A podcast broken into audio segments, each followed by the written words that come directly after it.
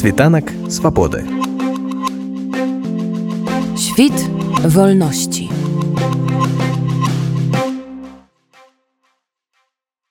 Паказаць, што беларусы ў эміграцыі і тым больш у дзень правоў чалавека не забыліся пра палітзняволеных і патрабуюць іх вызвалення, такі асноўны пасыл мела акцыя, якая адбылася на традыцыйным для беларускіх пратэсных мерапрыемстваў месцы ў Беластоку, скверы вольнай Беларусі, што месціцца на маленькай ціхай вулачцы каля генеральнага консульства.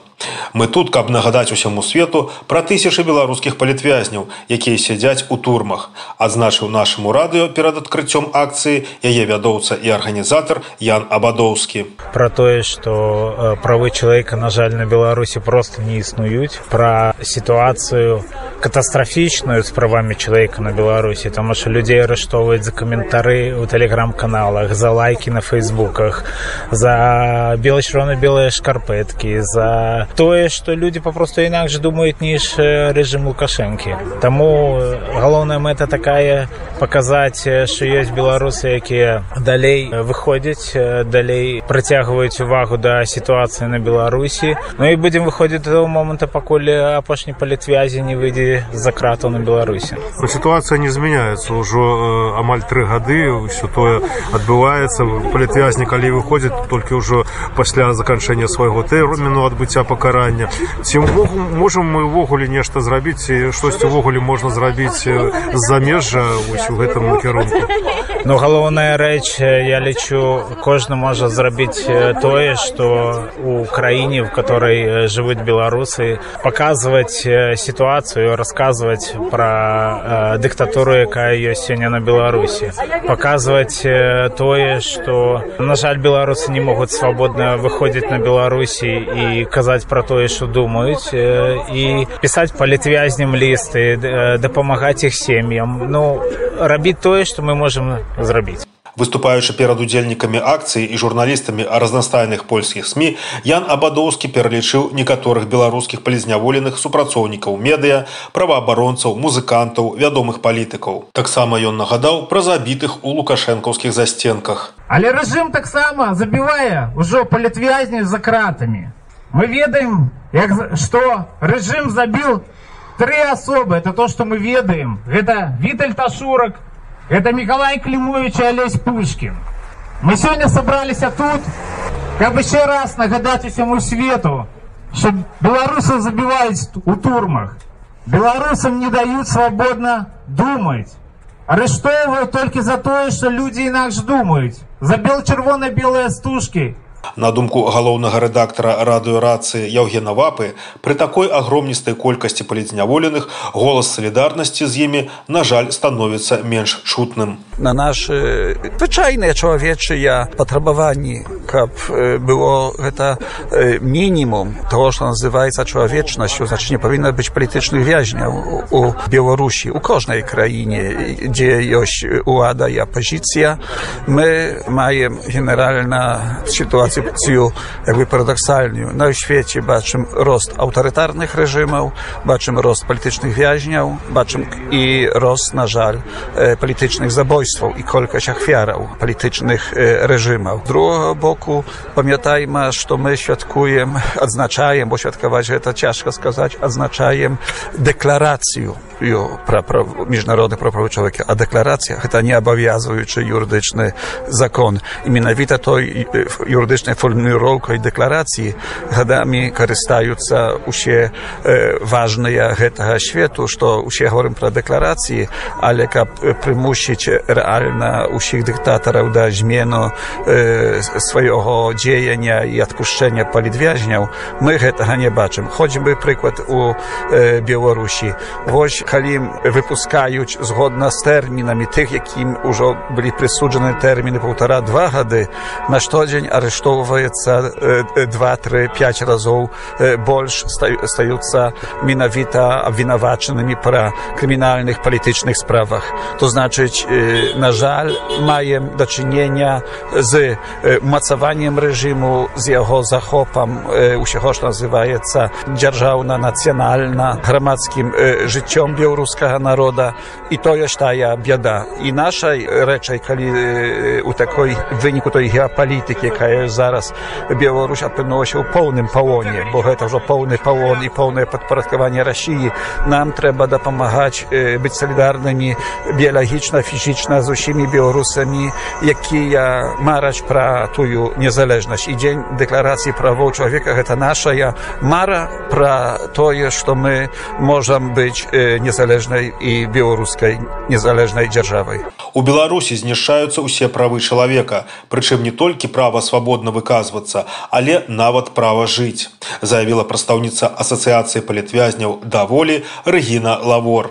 Сёння тысячи і тысячи грамадзян беларусі вымушаны змагацца за права жыць. Тыя людзі якія знаходзяцца ва ўмовах сеза калоній турам хіміі. Яны кожны дзень пазбаўлены элементарных рэчаў. Яны знаходзяцца ў холадзе. Ім не хапае лекаў. Яны пазбаўлены спатканняў з блізкімі. І кожная хвіліна іх жыцця гэта змаганне за жыццё. Мы ведаем што чалавек нарадзіўся і атрымаў права жыць. Чалавечае жыццё гэта галоўная каштоўнасць і кожны мае права жыць. Таму я хачу каб тыя суддзі якія знаходзяцца зараз у беларусі і кожны дзень асуджваюць грамадзян беларусі на вялікія тэрміны на жахлівыя умовы утрымання каб яны разумелі што пакаранне ім прыйдзе і каб гэта быў не спіс 17 суддзяў якія дарэчы дабаўлены ў санкцыйны спіс вялікай брытаніі а каб гэта быў кожны суддзя які меў адказнасць перад грамадзянамі сваёй краіны за тыя дзеянні якія ён сёння робіць Нядаўні арышт супрацоўнікаў інтэрнэт-сервіса пісьмо кропка бел, праз якія можна было лягчэй дасылаць лісты палітвязням, сведчыць аб тым, што рэжым спрабуе змагацца салідарнасцю, якую беларусы праяўляюць палізняволенымі.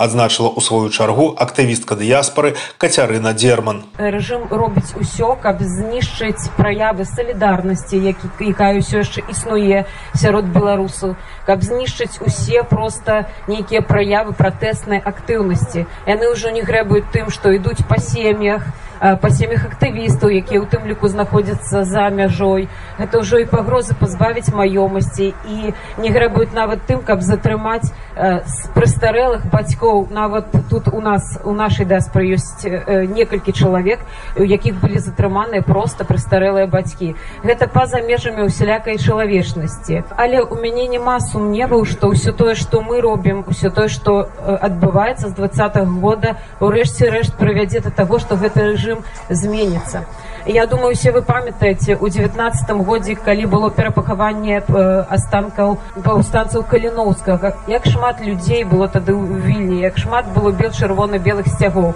і гэта было больш чым праз сто год пасля тых падзеяў такія рэчы як двадцать год як тое што адбываецца пасля яго заўсёды застаюцца ў гістарычнай памяці. Я вельмі шмат працую з людзьмі я слухаю розныя гісторыі і я на стосоткаў упэўненая што такая старонка не перагортваецца. Але гаворка ідзе пра час. Час які на жаль не працуе на карысць тых людзей якія знаходзяцца ў турмах якія там нішчаць проста сваё здароўе над якімі там здзекваюцца якіх катуюць.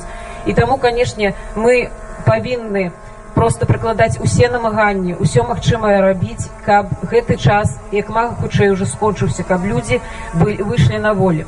Літаральна недавно у беларускіх незалежных медыа са спасылкай на еўрастат прыйшла інфармацыя аб тым што нягледзячы на эканамічныя санкцыі апошнім часам павялічыўся імпорт у Беларусь з еўросаюза і ў прыватнасці з польшчы. Такую сітуацыю можна разглядаць як своеасаблівую эканамічную падтрымку з боку еўропы для лукашэнкаўскага рэжыму Вось што на гэты конт думаюць некаторыя ўдзельнікі беластоцкай акцыі. Ну я лічу што гэта неправільна што трэба больш уважліва падыходзіць да санкцыяў каб санкцыі білі менавіта па кашельку лукашэнкі а не па простым грамадзянам беларусі мы разумеем што заўжды бізнес для некаторых краін ставіцца на першым месцы але мы беларусы якія тут знаходзяцца з-за палітычнага пераследа павінны прыцягваць увагу да сітуацыі на беларусі рабіць тое што мы можемм зрабіць а мы сёння можемм зрабіць зрабіць это тое выйсці тут напрыклад да кансулята паказаць што мы далей змагаемся што мы будзем прыцягваць увагу польскай грамадскасці да сітуацыі на беларусі Світанак свабоды Świt wolności.